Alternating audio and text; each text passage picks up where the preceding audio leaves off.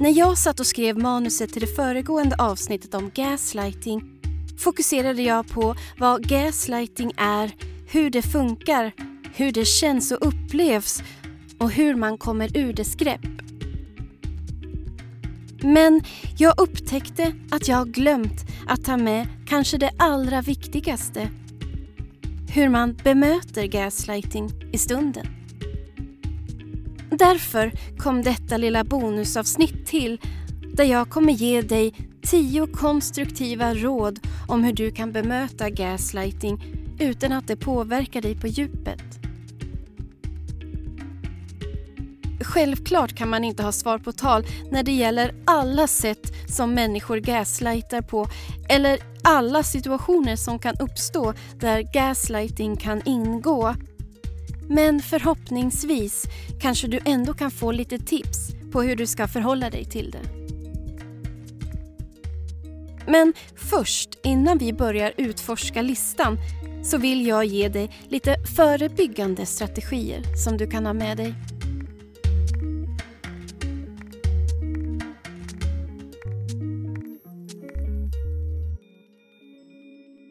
Eftersom kärnan av gaslighting är förnekandet. Att saker inte hänt, inte sagts, inte gjorts. Eller tvärtom, att det påstås att saker som inte sagts, hänt eller gjorts har hänt, sagts eller gjorts är en bra strategi att spara mejl och konversationer så att man lätt kan gå tillbaka och se hur det faktiskt var. En del väljer att spela in samtal med mobilen. Absolut inte för att sprida vidare. Det är inte en bra idé. Utan endast för sin egen skull så att man kan styrka sin upplevelse inför sig själv när man behöver. Man kan även dokumentera skador eller förstörelse så att den andra inte kan säga att det aldrig hänt. Och jag kan inte understryka nog hur viktigt det är att läsa på om gaslighting och andra härskartekniker, psykisk misshandel och narcissism. Gaslighting följer ett väldigt förutsägbart mönster och lär du dig se igenom mönstret kommer du bli medveten om när du blir gaslightad. Men du måste självklart även lära dig känna skillnad på vad gaslighting är och ett vanligt gräl där det förekommer en liknande dynamik. Allt som sägs i vanliga gräl är inte gaslighting, även om människor använder sig av samma beteende, fraser eller ord. Ibland minns helt enkelt inte människor och låter förnekande. Men det är skillnad mot människor som drabbas av det som kallas narcissistisk minnesförlust eller narcissistic amnesia på engelska. Det är en plötslig och högst selektiv form av demens då du vet att de minns men de påstår sig inte minnas. Helt enkelt för att de inte vill erkänna att det hänt.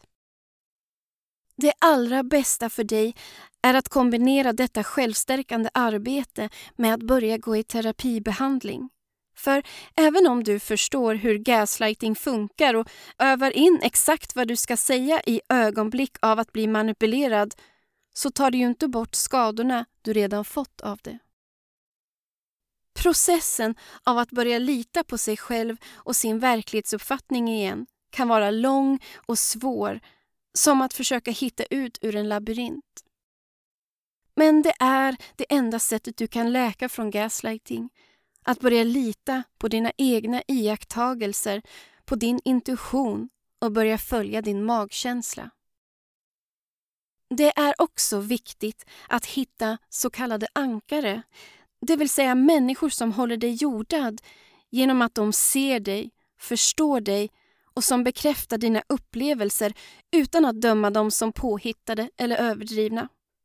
Att hitta andra allierade och ankare det kan vara vänner, kollegor, släktingar, familjemedlemmar eller andra överlevare.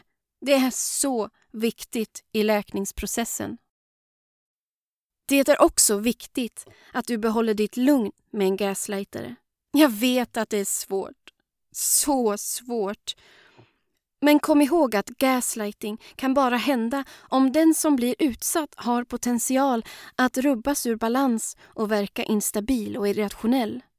Så i en diskussion med någon som gaslightar, ta djupa andetag, pausa när du behöver och fokusera på ditt mission att behålla förståndet istället för att fokusera på att försvara och förklara dig i affekt. Och slutligen i mina förebyggande råd till dig är att helt enkelt inte ingå i relationer där någon försöker gaslighta dig eller få dig att börja tvivla på dig själv eller din uppfattning om vad som är sant och verkligt. Men om du ändå tvingas ingå i relationer där du vet att det förekommer gaslighting kan du försöka använda dessa fraser, strategier och tillbakabollning för att sätta stopp för manipulationen. Och det är viktigt att du gör det i stunden, när det händer, när situationen inträffar istället för att reagera eller reagera efteråt när du fått tid att tänka. För om du reagerar efteråt kommer de endast att försöka twista till vad du säger och även få dig att tro att du minns fel eller har fått något på hjärnan eller att du överdriver. Så träna på att bolla tillbaka eller stoppa gaslighting i stunden. Eftersom de som gaslightar inte respekterar dina gränser så är dina strategier allt du har som skydd för att du inte ska gå sönder inombords.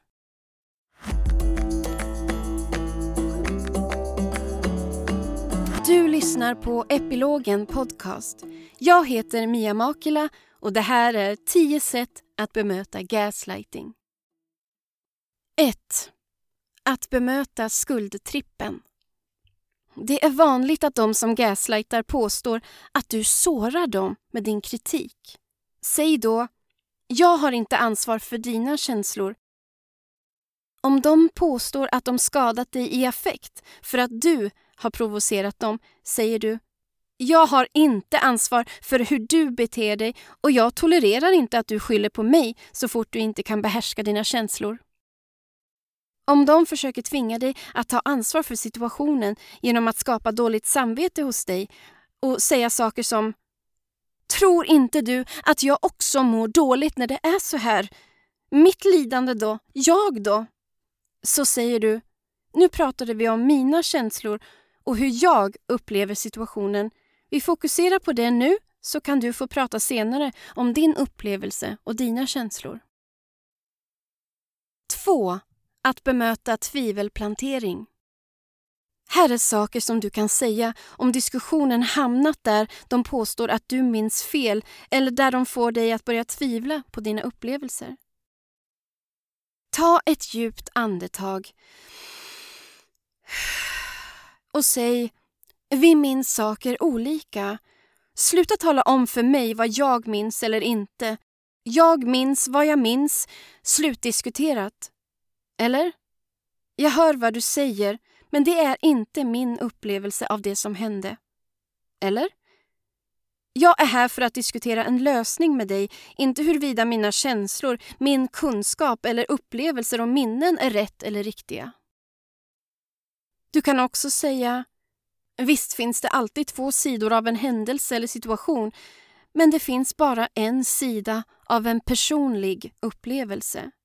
Och detta är min upplevelse av vad som hände. Även om du har en annan uppfattning om saken så är detta min upplevelse och den är verklig och riktig för mig. Det är fakta och går inte att förhandla om.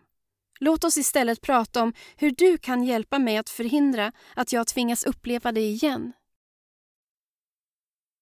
3. Att bemöta dolda hot. Identifiera dolda hot och avslöja dem i stunden.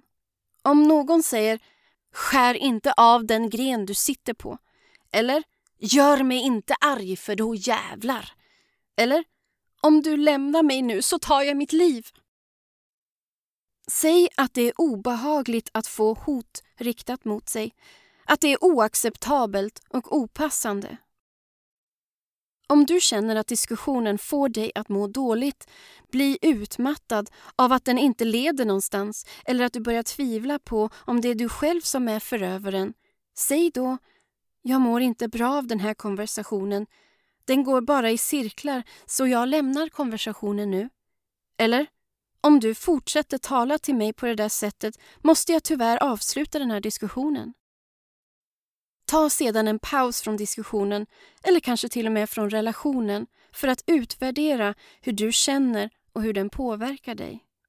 Du ska inte behöva känna dig rädd och skyldig inom en relation bara för att du har en egen röst.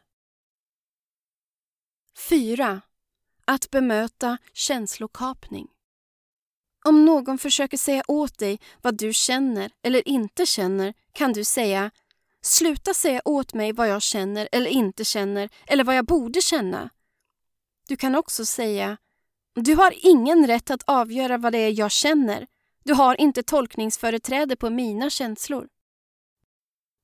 Du kan också påminna dem om att deras känslor inte är dina känslor och tvärtom. Detta är särskilt tilltrasslat inom närmsta familjen. Att om du är ledsen så kan den som gaslightar säga att den är så ledsen för att du är ledsen och sedan vilja bli tröstad av just dig. Trassla upp känslorna i stunden och äg dina känslor istället för att ta ansvar för den andres känslokapning. Om du är ledsen är du värd att bli tröstad du ska inte trösta någon som är ledsen för att du är ledsen över något som de sagt eller gjort som sårat dig. Det är rätt bisarrt. Det är även vanligt att gaslightare vill få dig ledsen eller upprörd när du är glad. Försök stanna upp och se mönstret när det händer. Avsluta samtalet direkt och försök att återfokusera på det som gjorde dig glad. Låt dem inte sabotera din glädje.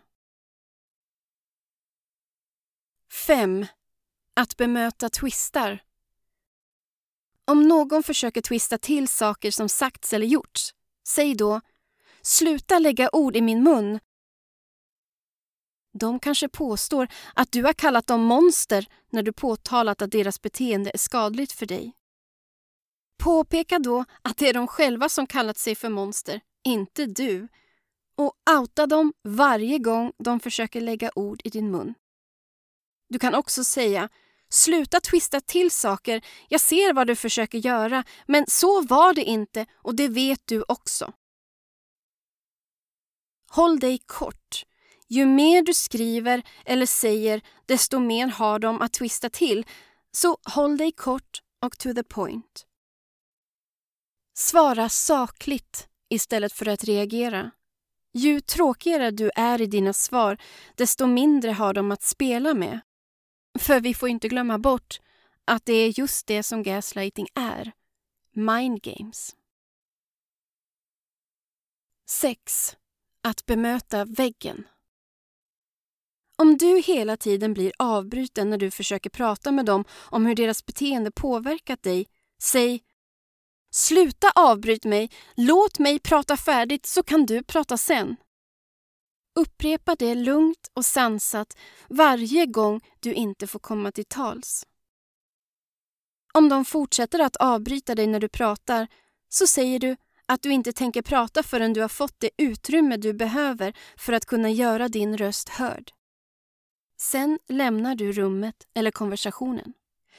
Upprepar sig allt igen nästa gång ni pratar så kör du samma strategi igen.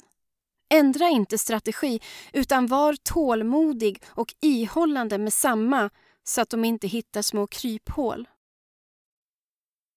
Om du upptäcker att varje gång du försöker ta upp något som du vill att det ändrar på så börjar de skrika, bli aggressiva eller säga att de inte tänker diskutera det med dig så bemöter du den väggen för exakt vad den är. En vägg som du kör huvudet i gång på gång. Efter 111 försök med din panna blodig så vet du att du inte kommer kunna nå dem hur mycket du än vill. Det måste du lära dig att acceptera.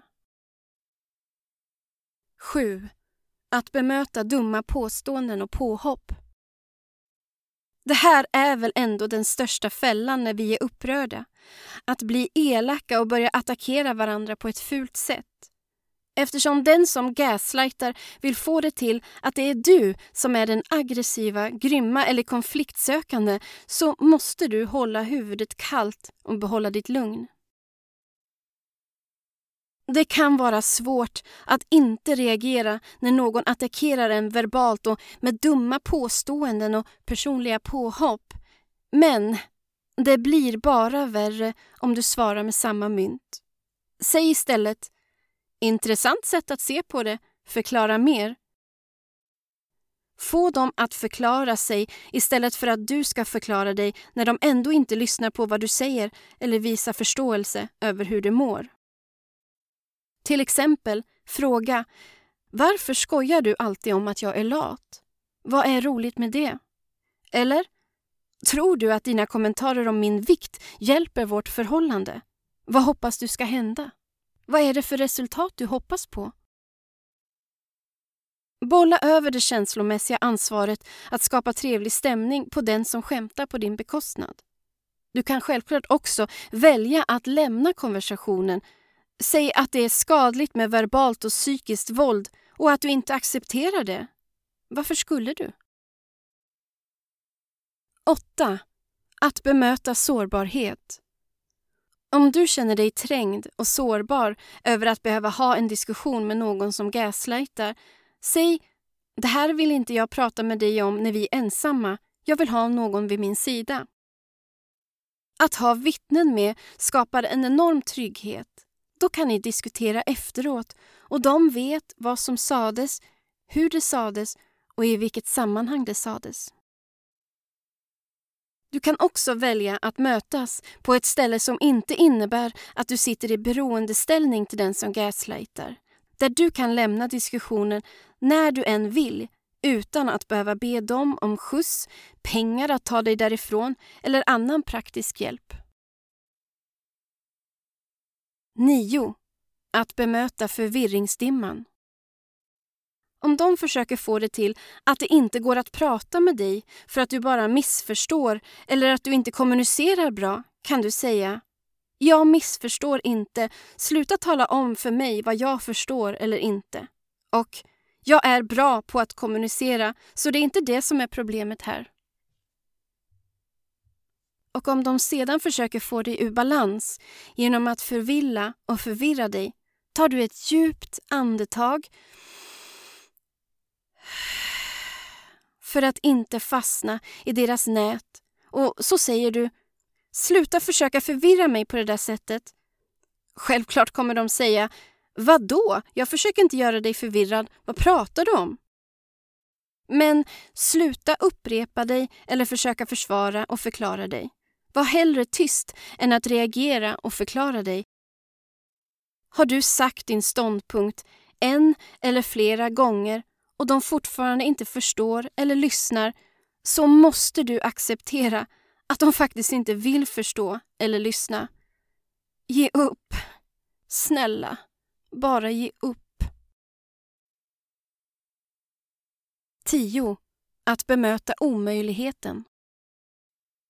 Om du känner att du helt enkelt inte når fram hur mycket du än försöker förklara, försvara eller överbevisa utan hela tiden möts av ännu mer gaslighting eller andra härskartekniker så måste du acceptera att det faktiskt inte går att ha en frisk relation med dem. Du kan säga om min verklighet hela tiden måste skrivas om, förnekas, förminskas eller förvrängas i vår relation så kan vi aldrig mötas i detta eller komma varandra nära. Det är ditt val och du måste acceptera konsekvenserna av ditt val. Du kan inte ha kakan och äta den samtidigt. Vi kan inte ha en nära relation om du inte kan bekräfta min verklighet. För då delar vi ingenting som är äkta för mig utan bara det som känns äkta för dig. Kom ihåg att de har gjort sig omöjliga. Omöjliga att nå omöjliga att prata med, att resonera med, omöjliga att få till en förändring med, omöjliga att ha en relation med. Det är ett val. I friska relationer gör man alltid rum för att kunna nå varandra och kompromissa. Det är så man får andra att må bra i en relation. Men de som gör sig själva omöjliga att nå är också omöjliga att komma nära. Det är smärtsamt att inse detta, men att försöka göra det omöjliga möjligt är ju, ja, omöjligt. Ja, det var tio sätt att bemöta gaslighting. Därefter finns bara alternativet att lämna. Och då är det viktigt att försöka bli vän med tanken på förlust och ensamhet. Men kom ihåg, det är så mycket bättre och mer hälsosamt att vara ensam och få äga sin verklighet än att tvingas vara fången i någon annans skeva och kvävande verklighet. Tack för att du har lyssnat och lycka till nu.